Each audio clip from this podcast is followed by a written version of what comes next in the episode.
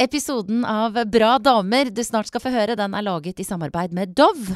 Og i Norge så samarbeider de med Barnevakten om et eget eh, undervisningsprogram. Og målet der det er å bedre selvfølelsen og kroppsbildet til norske skoleelever. For det er nemlig sånn at fire av ti unge kvinner i Norge de har lav selvfølelse. Og selv så husker jeg ungdomsskoletida som en liksom kaotisk periode. Jeg var sånn skoleflink og sporty utenpå. Jeg rakk opp hånda, tok ansvar. Men inni meg så hadde jeg jo da en sånn evig diskusjon om hvordan jeg skulle være, hvem jeg skulle være venner med, hvordan jeg skulle se ut.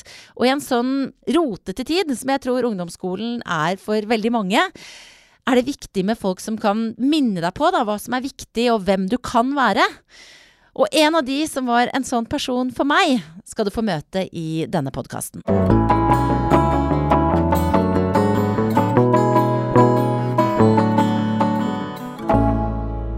Dette her er en spesiell utgave av podkasten min Bra damer. For akkurat nå så har jeg gått inn i en fløy på Voss ungdomsskole, som jeg ikke har vært i på nesten 30 år. Jeg har funnet fram til det jeg tror er min gamle pult. Og foran meg så sitter også læreren min, som jeg ikke har sett siden jeg gikk på ungdomsskolen. Hege Greio, så fint å se deg. I like måte. Du, jeg merker jo jeg Når jeg, jeg sitter liksom og ser ut vinduet her, sånn som jeg gjorde da jeg gikk i 7A Mm. Får liksom en spesiell følelse av å være her. Um, Det er en stund siden du har vært her, og hvordan syns du det er å være tilbake i klasserommet? Litt god følelse, fordi egentlig så var det vel sånn at jeg alltid gledet meg til å begynne på en i dag. Og da var det litt godt å komme inn i et klasserom. Jeg, jeg likte det. Det er ikke sikkert at elevene så det på samme måten, men eh, for meg så var det i grunnen en, en fin arbeidsplass. Likte det. Det er jo lenge siden du slutta som lærer. Nesten 18 år, har jeg skjønt. Hva er de beste minnene fra den tida du hadde her på Voss ungdomsskole? Det er jo vanskelig å si hva som er de beste, for gjennomgående så var det en god tid. Det var, det var et veldig godt kollegialt forhold. Det teller mye. Og jeg hadde følelsen av at de elevene som hadde med å gjøre, de var greie og positive, og det var ikke alle som hadde det lett. Helt greit. Men eh, det var ikke noen sånn opposisjon, og de var, de var ikke vanskelig å ha mye å gjøre, egentlig. De, de var greie. Ja, var vi det? Ja, syns det. Ja. Jeg snakka jo litt med deg på forhånd, og så var du, du er veldig sånn lojal og sikkert mye yrkesstolthet på det at du har ikke lyst til å henge ut, henge ut enkeltelever. Men, men eh, jeg, har, jeg har på følelsen av at vi var en sånn tidvis litt sånn bråkete klasse. Det var vel en klasse som man kanskje måtte prøve å holde litt i øra. Slik at eh, en var streng. Nøye på at det skulle være arbeidsro og eh, Jo. Men eh, Og en, del var ikke det grann grann glad i å gå på skolen. Men på en måte så er det sånn med, med de elevene som faller litt utenfor, så får man en viss godhet for dem. Slik at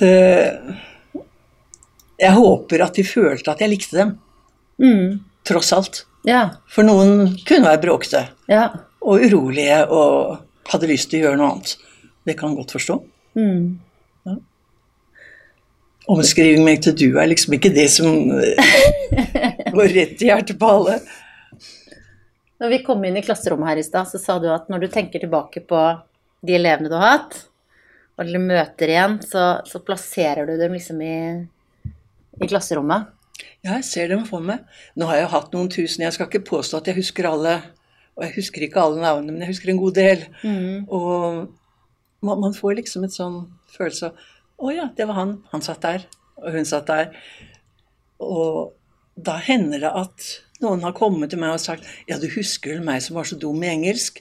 Jeg husker ikke at hun var dum i engelsk. Jeg husker at det var en smilende, blid jente som satt på bakerste pult.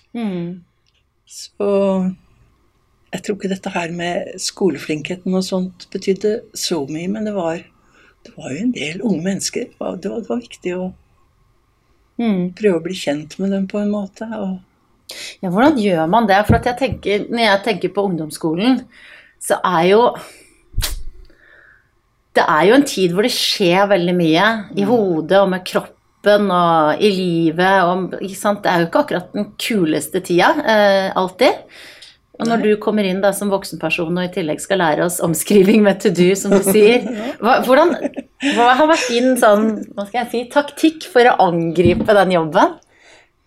Det er vanskelig å svare på. Mm. Det er vel å være seg selv, tror jeg. Slik at de måtte godta at slik ønsket jeg det, slik var jeg, og jeg ville prøve å komme dem i møte på en eller annen måte som kanskje kunne gagne noen, da. Det Mm. håper jeg jo at vi gjorde. Ja. Jeg husker deg som, og sånn, sånn oppfatter jeg nå når jeg har snakka med deg litt på telefonen og sånn, som eh, Og det hører jo alle som hører på den, hører på. Du har veldig sånn mild røst, du er veldig sånn mild og imøtekommende, men du var alltid veldig tydelig også. Um, det er en eh, unik kombinasjon. Tja. Jeg husker det var en som sa at det er ikke noe moro med Graue, for hun blir ikke sint. Å ja! Han prøvde å erte meg opp. Men eh, man kunne jo bli irritert, selvfølgelig, over Mm. forskjellige ting. Men Hva har vært det vanskeligste, syns du, med, med den jobben du har hatt? det har vært vanskelig å vite nok om de problemene elevene hadde. Det var ikke så åpenlyst den gang som det er nå. Og mange som satt og strevde med ting som ikke vi visste om. Og tilbake igjen da til omskriving med to do, Mm. så kan det være andre ting som har vært atskillig viktigere. Det var sykdom, og det var vanskeligheter. Mm. Men eh, kan, kanskje det var vrient å, å vite nok om dem. 30 stykker, 31 noen ganger, 31. Mm. Så Og så var det vanskelig å kunne gi nok til alle, fordi en hadde jo lyst til å prøve å nå de elevene som var veldig svake. Samtidig som de som var skoleflinke, og som hadde lyst til å lære, og som satte seg mål, og som var interesserte, de skulle jo også ha sitt. Mm. Og om man da kunne klare å gi noe til begge leire, i tillegg til de som var på midten, da. Ja. De får jo som regel det er det de trenger. Men det var liksom ytterkantene som kunne være vanskelig. Og det som jeg ofte har tenkt på, kanskje veldig mye ettertid, har man sagt ting som kan såre, eller de har gått og lurt på en ting som jeg har sagt som har vært eh, ikke ment på den måten, men som de har tatt opp i verste mening, kanskje. Akkurat slike ting, det, det har plaget meg, rett og slett. Hvilke ting kan det ha vært, da? Nei, altså Som østlending så har man kanskje en litt annen form enn vossingene. Litt mer direkte. Og at en liksom er litt mer sleivete med ting man sier, og at det kan bli tatt opp i verste mening. Mm. Det vet jeg ikke. Jeg har ikke noe eksempel, men uh, kanskje hvis du treffer noen av elevene mine, så kan de gi eksemplene på det. Men jeg håper det ikke er ille. Min beste venninne Ingrid hun hadde deg i fransk. Og hun sa Og dette er ikke, nå kommer ikke noen sånn skrekkhistorie hvor du har såra henne, men jeg bare tror det er et sånn eh, eksempel på sånn direkte på en bra måte. For da hadde du sagt til henne, for hun var ganske skravlete, tror jeg, så sa, sa du du er klar over at du kan få S hvis du bare tar deg litt sammen? Og, og det, er sånn, det er sånn kommentar som hun husker veldig godt. Og hun visste jo det. Jeg burde jo, kunne jo bare ha skjerpa meg, men hun, hun gjorde ikke det, da. Nei vel. Nei. Men jeg tror, tror det bare var en, en fin pekepinn, på en måte. Ja, det er ikke enkelt å finne akkurat de tingene man kan oppmuntre folk med, da, men man måtte jo prøve. Mm. Husker du meg? Ja, ja, ja. Selvfølgelig. Nå er jo jeg her, sånn at du skal ikke være redd for å utlevere meg, for nå har jeg invitert deg til å prate, men eh, husker du hvordan jeg var? Du var eh, kanskje en sjef i klassen. Ja. Ja. Og du, du likte å ordne opp og kanskje organisere ting og sette de andre på plass og i det hele tatt. Så var du jo skoleflink, så det var jo greit for deg egentlig på den måten. Mm. Jeg tror nok kanskje det der det med at jeg var sjef, det er altså litt sånn Det kjenner jeg meg jo veldig godt igjen i, på en måte. Ja, og jeg tror nok kanskje at det ikke var alle i klassen som syntes det var like gøy. Jeg var nok litt sånn veslevoksen. Litt irriterende for mange. Det vil jeg ikke tro, men, eh, Jo, altså, de trenger noen som de kan bli organisert av enkelte. For noen er jo ganske vimsehuer, da. Ja da, og jeg tror nok det var det jeg tenkte. altså Til mitt eget forsvar så, så var det på en måte en slags et ønske om orden, da, ikke sant. Jeg, ville ta, jeg husker det liksom at jeg ville ta ansvar, men jeg vet jo også at, eh, at eh, Jeg tror jeg var liksom elevrådsrepresentant liksom siden vi starta med elevrådet til vi var ferdig med det, liksom. Ja. Så det var kanskje litt mye òg, da, for noen. Nei, men en trenger noen som kan sette ting på plass, og som, som kan organisere, og som er interessert i det også. Mm. Klart det. Det er jo litt sånn Grunnen til at jeg er litt var på det der med sånn der, at jeg var litt skjevt og sånn, er jo at her hvor vi sitter nå, på vindusrekka, så var det liksom Jeg husker hvem som satt foran meg bak meg. Sånn, det var jo litt sånn lapper og sånn som foregikk, ikke sant, som ble sendt hvor vi skrev om hverandre. Og der var det liksom blant annet en gang jeg så at det var liksom Hun tror hun kan bestemme over hele klassen. Men det var, vi skrev jo om diverse sånne ting, og viktige og ikke viktige ting. Hvor mye av det fikk du egentlig med deg? Jeg vil ikke godta det, at man driver og sender, klasser, eller sender lapper i klassen. Å nei og nei. Da, hvis du hadde sett det, så hadde du satt foten ned? Ja, jeg vet ikke. Det, det kommer litt an på hvordan forholdene var. Jeg, jeg ville satt foten ned for uh, mobil, Ja. for eksempel. Mm. Ting som forstyrrer andre, eller som, uh, som trekker oppmerksomheten vekk fra det man holder på med og slikt. Da vil jeg nok gripe inn, ja. Mm. For hele denne her, det indre livet i en klasse, hvor alle da er i en alder hvor de prøver, i hvert fall sånn jeg husker det, prøver å finne ut hvem de er, og hvem er du i klassen. Um, det er jo noe som, som påvirker ja, læringen og alt som foregår i dette rommet. Um, ja, hvor mye klarte du å få innblikk i det i din tid som lærer? Altså det derre virvaret som foregår, ikke bare på lapper, men mellom oss elevene. Tja, for det første så har jeg jo skrevet lappen selv Ja. og sendt. så det er vel en del av hele systemet, egentlig. Mm. Men hvor godt man kunne kjenne hver enkelt elev i løpet av de få timene man hadde dem på dagen, det, da skal jeg ikke overvurdere meg selv på det. Men eh, kanskje at man fikk et visst innblikk i folks natur. Mm. Jeg ville tro det. Du nevnte så vidt mobil. Det er jo en del ting som har skjedd siden jeg satt, satt her og, og sendte lapper. Og det er jo en ganske annen hverdag for de som er ungdomsskoleelever her nå. Um, ja, hvilke tanker gjør du deg om det, sånn sett utenfra? Jeg syns noe av det som griper meg sterkest, det er at det er så veldig mange ungdommer, det er jo en hel generasjon, hvor en stor prosent går omkring og er deprimerte. Og det er både trist og dypt tragisk. Og vanskelig å forstå, egentlig. Men eh, Nå skal ikke jeg bagatellisere det, men jeg tror at noen kanskje vil ha godt av å legge vekk mobilen sin og dekke over speilet og spørre seg selv er det noe jeg kan gjøre for andre mennesker. For det virker som om det er veldig mange som er svært selvopptatte. Og at de da er, føler et press på å være slik og sånn, det, det kjente jo ikke vi.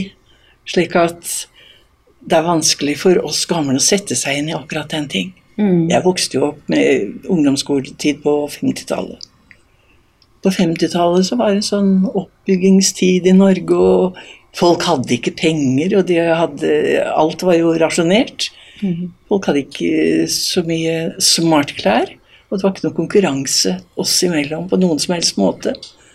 Egentlig så var vi vel slik at vi følte oss privilegert fordi vi fikk gå videre på skole. Det var ikke sånn at dette var en tvang, og så og så mange år un under tvang. Det, det ble bare en talemåte i tilfelle, men vi syntes egentlig at det var fint at vi fikk sjansen. For det var ikke alle som gjorde det. Så ting har skjedd ganske fort i løpet av de siste årene, syns jeg nok. Så vi har det på en måte så godt at vi kan se så mye på oss sjøl at vi blir litt uh, tullete i hodet av det. Jeg vil ikke generalisere. Nei. Men at noen kanskje blir litt for opptatt av seg selv i denne sammenhengen. Og at det presset har jeg vanskelig for å forstå, men det, de som er midt oppi det, de ser selvfølgelig helt annerledes på det. Ja, for for de som vokser opp nå, så de har jo den virkeligheten å forholde seg til. Så for dem så er jo det veldig reelt. Eh, Men hva kan man gjøre da? For jeg tenker det er jo et helt åpenbart problem at kanskje unge jenter spesielt, men uh, ungdommer eh, generelt uh, sammenligner seg med andre, føler seg ikke tilstrekkelige, føler seg ikke flinke nok. Det er vanskelig å finne en oppskrift på hvordan man kan løse det. Så absolutt. Jeg har ikke noe se som sesam der i det hele tatt. Men hva hvis du hadde vært lærer nå, og vært i dette klasserommet og hatt, eh, hatt en klasse med disse utfordringene? Eh, hva hadde vært din take på det? Jeg tror kanskje noen samtaler om de tingene som er vesentlige. Kanskje sammenligne seg med de problemene f.eks. flyktninger har. Som kommer uten noe i hendene, men med en bagasje som er forferdelig. Og som har all mulig grunn til å være deprimert. Nå skal man jo ikke hele tiden sammenligne seg med det som er verre, men eh, man kan jo sette ting litt i perspektiv også, noen ganger kanskje. Så jeg tror, jeg tror det ville vært veldig viktig å, å prate med elevene om eh, hvordan de opplever ting, og hva de føler kan gjøres, og hva som ikke burde gjøres, kanskje. Men eh, å stå der som en voksen eller en gammel og, og, og si at sånn skal du gjøre, og sånn gjorde vi, det nytter jo ikke. Alle må jo få leve sitt eget liv og danne seg sine egne idealer. Mm. Du eh, har jo samme dialekt som meg. Du sier du er østlendinger er gjerne litt mer direkte, og du er heller ikke en eh, ekte vossing. Eh, på samme måte som meg, så du, har du kommet hit annensteds fra. Ja. Eh, hvordan har det vært for deg å komme til Vossabygda? Jeg syns det har vært fint. Men nå har jeg bodd her i å, snart 60 år. Ja. Så, så jeg har ikke blitt vossing likevel, men det er et sted jeg føler meg hjemme. Så jeg kunne jo ikke tenke meg å flytte østover igjen. Og når jeg kommer tilbake igjen med, med tog eller med bil, og så ser fjellene, og så tenker jeg Åh, nå er jeg hjemme. Mm. Her er fjell. Her er det. Så jeg syns det er et veldig fint sted å vokse opp, da. For de som er unge her. Og Det er veldig oversiktlig, syns jeg. Ja. Veldig uh, trygt. Og jeg også kjenner på det samme som du sier, at jeg vet ikke, jeg tror nok ikke jeg kommer til å flytte tilbake, men altså, når jeg kom med toget her i dag, og pappa møter meg på stasjonen og sånt, så er det en veldig en, en god følelse som omslutter meg, da. Ja. Men jeg, jeg husker jo også veldig at det Men sånn er det kanskje på alle små steder. At det å være, å ha noe annerledes ved seg, er jo ikke alltid Det kan være ganske stilig også, men det kan også være utfordrende. ja. Har du kjent på noe å være hun østlendingen? Ikke som jeg har brydd meg med, du, i alle fall. Nei. Nei, det har ikke, det har jeg ikke tenkt over, egentlig. Eh, så jeg pleide å si til elevene at uh, nå snakker jeg slik, og så når dere skal skrive bokmål for å skrive på samme måte, så blir det helt riktig. Det, tro, Ja. det trodde de på, da.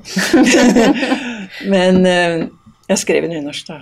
Ja. Jeg skulle skrive, men jeg syns det ville være veldig unaturlig å prøve å snakke vossamål eller, eller snakke et kunstig nynorsk. Ja. Så jeg gjorde ikke det.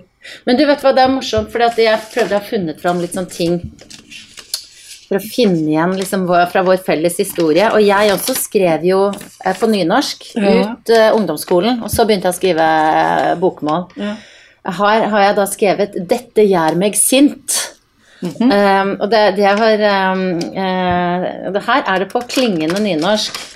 Eh, og så har du kommet med din eh, fine røde penn her og skrevet Du skriver friskt og engasjert og gir godt uttrykk for meningene dine. Lite feil. Det er noen feil her, da. Skriver du fortsatt så fint? Og veldig fin håndskrift. Det så på det. Jeg, jeg skriver fort og effektivt, i Ja. alle fall. Det var, og jeg husker jo, dette her var jo, jeg leste gjennom den stilen her, det var på en norsk tentamen. Ja. Her jeg skriver om uh, måten eh, eh, folk behandler eh, eh, innvandrere, da. Og, jeg, og vet du hva jeg har skrevet? At eh, her på Voss er det ganske mange mørkhuda. Jeg har ofte sett at de prøver å få kontakt med folk, men bare vært avvist. Det er heller ikke sjelden at de får slengt dritt som pakkis og svarting etter seg. Vet du hva, der tror jeg Jeg lurer på, tror, jeg tror kanskje at jeg overdrevet litt der, eller? Når du leste det nå, så må jeg si at jeg tenkte det samme, for jeg, jeg har ikke opplevd akkurat dette. Jeg lurer på om jeg kanskje Ja, Selv om det sikkert det finnes- Ja, Fremmedfrykt her òg, men jeg tipper at jeg liksom dramatiserte litt for å at det var ting du hadde hørt om, at sånn er det. Ja, få et godt poeng. Ja, det, det kan tenkes. Men, og det var jo også Jeg husker jo veldig godt at du oppmuntret meg til å skrive. Ja vel. At jeg hadde skrevet eh, stiler, og gjerne når det var litt over sånn i fiksjon og novelleaktige ting, så husker jeg du skrev at, eh, at jeg burde prøve å sende det inn til et ukeblad, eller sånt, for det var spennende karakterer, eller veldig, Ja. veldig oppmuntrende. Det er ganske viktig hvis en prøver å, å kunne finne det som er positivt i folk, iallfall. Mm. Så det, det som var vanskelig, det var når man fikk f.eks. en stil som var så elendig at det var veldig vrient å finne noe som var positivt. Ja. Og da, da lette jeg iallfall etter et eller annet. Dette her var et godt poeng. Ja. Eller Hei, du! Ja, Nå kommer det vaskehjelp. Jeg fikk beskjed å spørre kan, om du kan ta det andre rommet først. Vi skal få være her litt grann til. Ja. Ja? Ja. Tusen takk skal du ha. Jeg snakka med de på kontoret, så de sa det var i orden. Ja. Ok, tusen takk. Jeg hadde inntrykk av at det kom en del Det var særlig mange fra Bosnia. Mm. Og de gled veldig bra inn i eh, De var jo ikke mørkhudede, egentlig, men de var jo fremmede. Mm. De, de gled godt inn i eh, miljøet, hadde jeg inntrykk av. Ja. Så det jeg skrev om eh, at de ble avvist, det var kanskje noe jeg hadde sett på Dagsrevyen eller noe sånt, om det skjedde et eller annet sted. ja, det kan ha forekommet, bevares, og det er jo alltid noen som slenger med leppa og kanskje ville yppe seg. Men var det av og til at det var eh, eh, stiler sånn som var levert inn, og så fant du ikke noe Fant du ikke noe positivt i tilbakemelding på? Det måtte man jo bare prøve å finne. Et eller Mm. annet. Ja. For uh, det var bedre enn forrige gang, eller ikke sant. Dette Mm. er litt framskritt. Nå har du skrevet en halv side, sist var det en kvart, Ja. for eksempel. Nei I alle fall så var det noe jeg prøvde å, å gjøre noe med. Mm. Men uh, det er jo litt lettere når du får en sånn skikkelig oppgave, da. Hvor det er godt skrevet. Ja, ja, det var sånn passe dette her, da. Men det var i hvert fall veldig Jeg skriver ikke så fint lenger, jeg, da. Men det var, du hadde helt sånn veldig sånn eh, Hva heter dette for noe? Kalligrafi? Ja, noe sånt. Hvordan har dere det? Hvordan har dere det? Her er det fra, fra nynorsk til bokmål. Ja. Mens jeg har skrevet The Cure på baksiden. Det var et av de bandene jeg, Ja. jeg hørte på, så det har liksom dekorert veldig.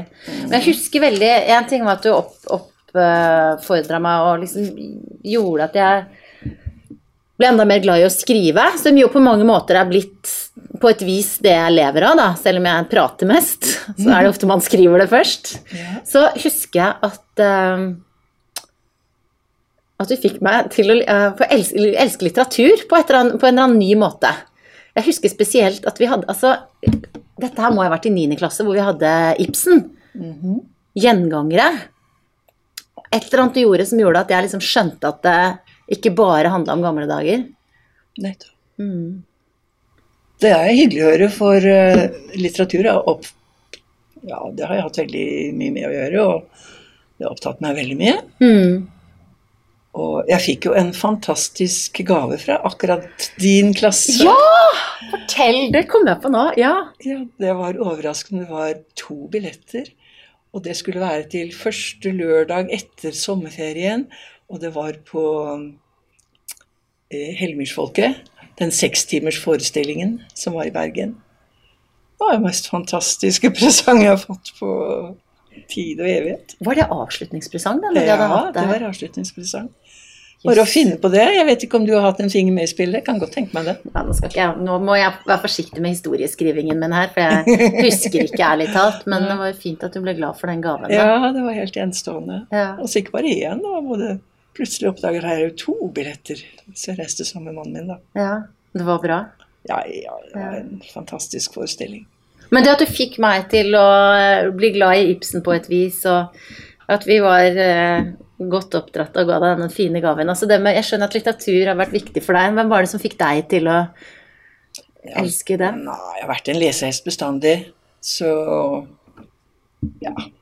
Og så hadde jeg noen tanter som fòret meg med all slags litteratur, Mm. og det var veldig kjekt. Og så vokste jeg opp på Folkeakademiet, nærmest. Faren min drev med Folkeakademi i alle år. Det var liksom før tiden med TV, selvfølgelig. Og, og så hadde man omreisende eh, foredragsholdere.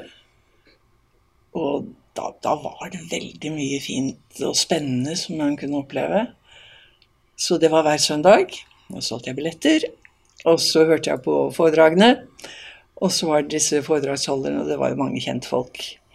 Det var musikk, og det var eh, litteratur, og det var billedkunst, og det var alt mulig. Og de kom gjerne hjem til oss på kveld da, etterpå for å spise kveldsmat. For de syntes det var kjedelig å sitte på et hotell hvor det var eh, kaldt og aleine når de reiste rundt sånn. Så da satt jeg med store ører og fikk med så veldig mye. Det var, det var en veldig fin lærdom, rett og slett. Og hva, hva var det som gjorde at du, at du fikk, selv fikk som jobb å, å formidle kunnskap til andre? Jeg var speiderleder. Jeg syntes det var veldig kjekt å ha med ungene å gjøre. Og jeg likte å vise dem ting og lære dem ting. Jeg følte vel at ja, kanskje jeg har noe å by på. Mm. Og så ble det slik, da. Har du hatt den eh, motivasjonen, den følelsen av å ha noe å by på, har den holdt den seg gjennom hele yrkeslivet? Eller i hvor stor grad tvilte du noen gang på, på yrkesvalget ditt? Jeg tvilte ikke på yrkesvalget, men jeg kunne tenkt meg andre ting også. Mm. Men eh, jeg trivdes veldig godt som lærer. Jeg søkte i barneskolen her, for det var det som var utlyst. Men så trengte de folk i det som heter realskolen. Og så ble jeg oppfordret til å ta stilling der isteden. Og jeg følte liksom i utgangspunktet ja, men jeg kan ikke nok, og dette er ikke jeg god nok til, og sånn. Men jeg er veldig glad at jeg havnet der, da, for den aldersgruppen den tror jeg ville trives bedre med enn å være i småklassen hele tiden, da. Mm. Ja, det er, og det er jo Jeg også tror det hadde vært det, det må jeg se for meg en ganske slitsom jobb, men samtidig det med å ha med noen sånne slamper av noen tenåringer å gjøre hver eneste dag, ser jeg også for meg som en veldig krevende jobb. Du hvor sliten ble du etter en dag med oss i 7A? Jeg hadde noen klasser, det var ikke din. Det var én klasse som slet ut tre gymlærere og to mattelærere i løpet av de tre årene, og jeg hadde dem i tre fag. Det var ganske krevende. Det var det. Og jeg ble vel sliten, men samtidig så Det er en utfordring også. Så Og jeg likte dem. På- Jeg vil si jeg likte dem på tross av Mm. mange ganger. For det, det er liksom noe godt ved de fleste, da. Ja, så det er jo da evnen til å kunne finne det, da. Det høres ut som det er nøkkelen til å være en god, men også lykkelig lærer. Kanskje. Strevde du noen gang med det? Å klare? Var det noen ganger noen utfordret deg så mye at du bare Kunne ha lyst til å slå? Nei. Nei, i grunnen ikke. Det var i grunnen sjelden at det var noen som var i direkte opposisjon. Sånn at de kunne komme og kjefte eller legge imot eller noe sånt. noe. Mm. Kanskje jeg var så streng at ikke de torde. Jeg vet ikke. Så Nei. Jeg hadde ikke følelsen at det liksom sto på et annet parti. Nei. Og det er kanskje det er det jeg tror jeg litt sånn kan Når jeg tenker hva jeg husker av deg som lærer, så er det litt det at, at jeg følte at du var på vårt parti, da. Og hvis du var i rettesettene, så var det alltid med ja, på en eller annen riktig måte. Jeg husker, nå, nå er jo vi i klasserommet vårt, og hvis man skal bort til kontoret, så går man bare den rette tarmen av en gang rett bort til kontoret. Så en gang i en time jeg skulle gjøre en tjeneste bort og hente noe der for deg. Eh, og så, når jeg skulle tilbake, så benyttet jeg anledningen til å gå ut på skolegården. Og så altså, ta omveien, som var litt lenger, da, men som jeg da kunne jeg kikke inn i noen klasserom og få litt frisk luft. Og da så du meg. Når jeg kom tilbake, så så du hvilken vei jeg hadde gått. Så sa du med det samme lure smilet som du har nå, så sa du Er ikke du eh, ganske god i matematikk? Så jeg, nei, jeg vet ikke. Da vet du vel at eh, korteste veien mellom to punkt er en rett linje? men, så du var litt sånn direkte, men med snert, da. Ja vel. Du husker ikke dette, Du ble, du ble nei, jeg husker ikke det. Du ble ikke sur for det? Nei, men jeg husker det jo. Fordi at jeg på en måte jeg, Ikke sant, ok. Det var et eller annet med måten du eh, satte fingeren på det på som ikke var kjeftete, da, men likevel så var det jeg som liksom ble litt flau. For at, Ja, jeg- ja. Men det er jo mye omsorg i det å være lærer. Det er det. Det er det. Og der er det jo mange som går meg en høy gang, så jeg føler jo at man har kommet til kort på mange måter. Hvordan da? Mye mer man kunne ha gjort, liksom mer direkte og kanskje Ja. Hjulpet folk mer på en eller annen måte. Men det er litt vanskelig å si akkurat hvordan. Fordi det er dette med 30 stykker da, i klassen. Ja. Og så prøve å overkomme. Men eh, hvis jeg sammenligner med de lærerne jeg hadde selv på realskole, samme alder da, så, så var de jo grusomme, enkelte av dem. ja. Så det var ikke modeller, i hvert fall. Vi hadde noen som, eh, som var så ironiske og så djevelske, rett og slett, i sin oppførsel, at eh, de tok rett og slett knekken på, på enkelte elever. Og Vi skulle F.eks. i tysk skulle vi lære alt utenat det som var leksa til dagen. Og for enkelte av oss så var det greit å lære en side og to utenat på tysk. Men for andre så kunne det være helt uoverstigelig. Og denne læreren ville da sørge for å spørre den som han visste ikke kunne noen ting, først. Så gikk ikke det, og så gikk han da gradvis videre til alle de som var så svake i tysk at de ikke hadde noe å by på. Så kunne han bli så rasende at han da kunne slå pekestokken i bordet og forsvinne ut. Og vi så hvor han forsvant, for det var til restaurant tvers over gata. Og, og dette bare gikk. Det var lovlig, liksom. Lærerne var eh, autoritære til de grader. Ikke alle, men en del var det. De var svært ironiske enkelte også. I én klasse der var det en gutt som ikke var konfirmert, som den eneste. Og, og lærerinnen, hun eh, valgte alltid å tiltale han som Kan konfirmanten si meg det? Og det er, det er jo ganske grotesk, da. ja. Ja. Ble du selv utsatt for den type ironi eller frekke kommentarer? Nei, fordi hvis man var sånn litt skoleflink, så, så slapp man unna akkurat det der. da. Det gikk utover de som hadde det vanskelig, rett og slett, Mm. i, i skolesituasjonen.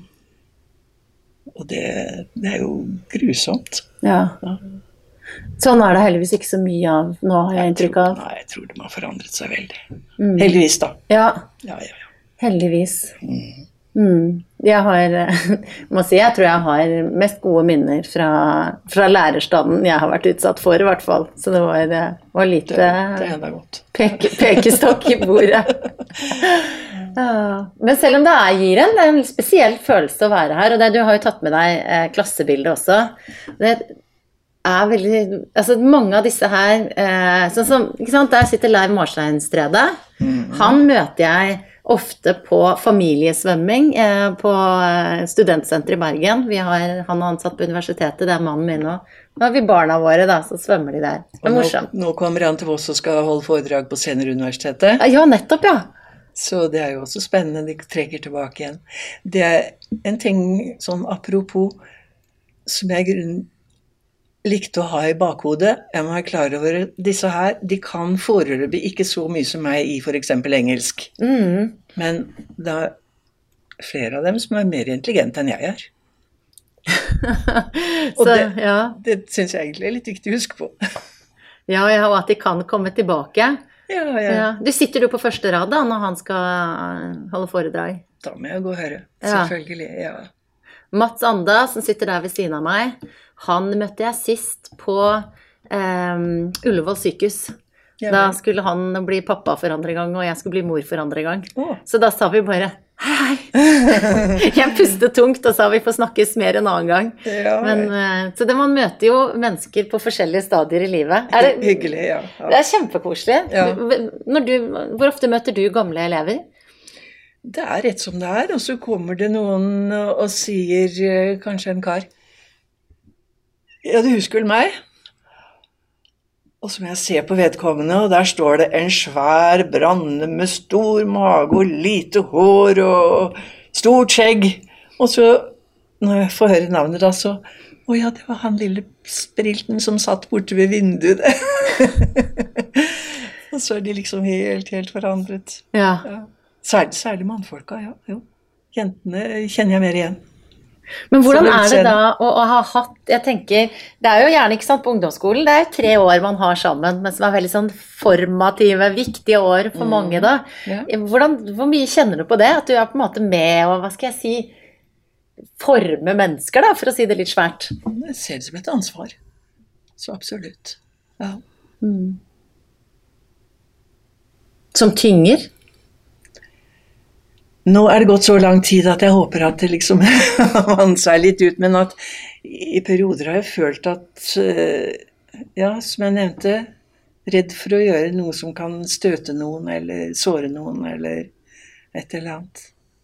Akkurat det, det, det syns jeg kunne være litt vanskelig. Ja. ja. Jeg tror ikke du har gjort det, Hege. Håper ikke det. Det kan jeg liksom ikke se for meg. Nei, hvis eh, du har rett i det, så blir jeg glad. Det, vi snakka litt om det at ting har forandra seg, og, og de som går på ungdomsskolen nå har eh, ja, et press rundt seg på hvordan Eller de oppfatter det som et press på at de skal være så bra på alle måter. Det har jo alltid vært en diskusjon ikke sant, med karakterer og ikke nasjonale prøver og ikke eh, Det er på en måte Ungdomsskolen er jo en tid hvor alvoret kommer inn i livet på mange måter. Man skal levere noe, man skal evalueres. Og der har jeg en kjepphest. Ja, få høre. Og det I gamle dager så var det en praktisk framhaldsskole. Og så ble jo ikke det så moderne lenger. Og så skulle alle presses inn i akkurat samme formen. Og det som jeg syntes var tungt å tenke på, det var alle de som satt der og drømte om å mekke eller gjøre helt andre ting, og som da måtte være her og ha en hel masse teori. Og når de da kom over på yrkesskolen, hvis de var heldige nok til det, så var det ganske vanskelige teoribøker som de måtte igjennom i tillegg. Det var en skuffelse når de først kom der. Jeg var på et kurs eh, for eh, språklærere. Og det første vi fikk, det var eh, papir og blyant, og skulle skrive en liste over alle fordelene ved å kunne språk. Og det er klart at vi, vi var interessert i språk, vi som kom der. Og det ble en lang liste. Og den gangen så var det meningen å innføre eh, obligatorisk to fremmedspråk. Og det var jeg sterkt imot. Så da jeg stilte liksom spørsmål til foredragsholderne om eh, hva, hva med Per og Pål som sitter der og drømmer om å bekke, må de ha fransk? Det kan være vanskelig når du har 30 franskelever å prøve å gi noe til hver enkelt og prøve å lære dem. Det er ikke noe enkeltspråk. Ja ja, men da kan de jo tegne fra, det franske flagget. Og kanskje de avanserer til å tegne Eiffeltårnet. Og da blir jeg oppgitt. En kan ikke bruke time etter time på å tegne det franske flagget, og de ikke får noe med seg, når det er noe ganske annet de kunne gjort. Og jeg kjenner eksempel fra gamle dager, riktig gamle dager. Bare for å ta ett eksempel, en jente som grudde seg alle skoledagene, og hadde to flinke, skoleflinke eldre søstre. Og så kom hun på praktisk ramanskole etter syvende klasse. Og hun blomstret opp, og hun fikk skape ting, hun fikk gjøre spennende ting. Og hun ble veldig, veldig dyktig. Og gikk på en husflidsskole senere, og i det hele tatt utviklet seg noe fantastisk. Ja. Men gjennom hele de årene i, i barneskolen, så, så hadde hun hatt det vondt. ja. Og det, og det var jo ikke det presset den gangen. Men jeg tenker på når de skulle ha to fremmedspråk som de skal gjennom, når de kunne fått noe annet som de kunne vist hva de virkelig kan med hendene, f.eks. Så det er noe med å ikke presse alle inn i den samme malen, da. Ja. Mm. Fordi det er skoleflinke folk som sitter og lager planene, tydeligvis. Ja. Og det, det er litt synd, for det går utover noen. Jeg tenkte mye på det fordi at eh, jeg klarte meg jo bra. Jeg var jo en av de som norske skolesystem på en måte er laga for. ikke sant? Bam, bam. Men så dro jeg på ett år på utveksling til Frankrike. Eh, og der opplevde jeg det å være den dårligste i klassen eh, på en del fag. For jeg skjønte, skjønte ingenting. Jeg skjønte Ja. ikke matematikken når den kom på fransk. Eh, og det var, det var jo ganske tøft der og da. Ja. Um, men jeg har tenkt på det mange ganger, at det var en veldig nyttig erfaring. For da fikk jeg innblikk inn i denne jentas verden. Jeg grua meg hver dag. For jeg visste nå, jeg kommer ikke til å skjønne det var Og det er jo sånn mange opplever det, at det er Ja. Et språk de ikke forstår, da, enten billedlig eller bokstavelig. Mm. Det, det er synd at mange har det sånn hver dag. Ja, det, det er veldig vondt, og der syns jeg det skulle gjøres noe. Altså fordi Ja. det er en nedvurdering av eh, enkeltfolk som har gode evner i noen retninger, Mm. og så ikke nødvendigvis i de skoleretningene. Men så er det noe med Voss er jo eh, en naturskjønn, eh, vakker liten plass eh, med sterk idrettskultur. Jeg tenker sånn når vi er inne på sånn prestasjon og karakterer og sånn, i hvor stor grad tenker du at det gjør det ekstra utfordrende for ja, de elevene du har opplevd? Da? Altså, det også er jo en mal å passe inn i. Ja, det, det er vel kanskje litt uh, greit for en som er flink i idrett, i alle fall. Man blir anerkjent på grunnlag av det, Mm. selv om man er dårlig på skolen. Ja, sånn sett så kan For det være eksempel. Ja. Mm. Men uh, det er vel kanskje også en sånn prestasjonsform man skal inn i. Mm. Det, det vet jeg ikke. Så, så lenge Jeg, jeg syns det er veldig spennende med, med fotball på det stadiet der med småtassene. ja. Men når det begynner å komme opp i divisjonene, da syns jeg det er ja. feil. Men eh, det er jo mange som ikke er enig med meg i akkurat det der. Mm. Hva er det du savner mest fra den tida hvor vi eh, hadde felles si, arbeidsplass her i dette klasserommet? Jeg vet ikke om jeg savner sånn direkte, fordi enhver tid har liksom noe nytt og, og noe spennende. Det var veldig rart de første 17. maiene vi oppdaget jeg kjenner jo ikke noen av de som går i tog der lenger. Det var jo litt rart. Og jeg tenkte jo ofte på hvor redde folk må være når de ser en sånn gjeng med ungdommer som er eh, Ja, de puffer, og de skubber, og de er høyrøstede. Og, og gamle damer føler seg kanskje litt sånn usikre. Og så jeg tenker, Når du kommer sånn enkeltvis på de, så er de jo så kjekke og så greie. Men det ser skummelt ut når de kommer i flokk. Eh, nei, jeg tror ikke jeg akkurat savner noe, fordi dette var et stadium, og det er jeg ferdig med. Mm. Men jeg hadde veldig mye kontakt med gamle kolleger, og det setter jeg stor pris på. Mm. Det gjør vi alle, faktisk. Møtes stadig. Og mimrer?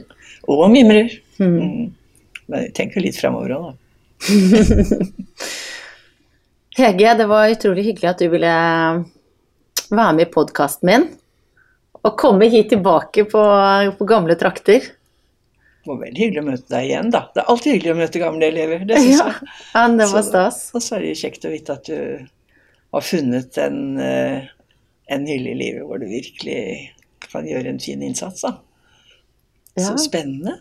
Spennende yrke. Ja, det er det. Ja. Og jeg tror du hadde en finger med i spillet også. Bare så det er sagt. Vel, takk for det. Takk for praten. I like måte.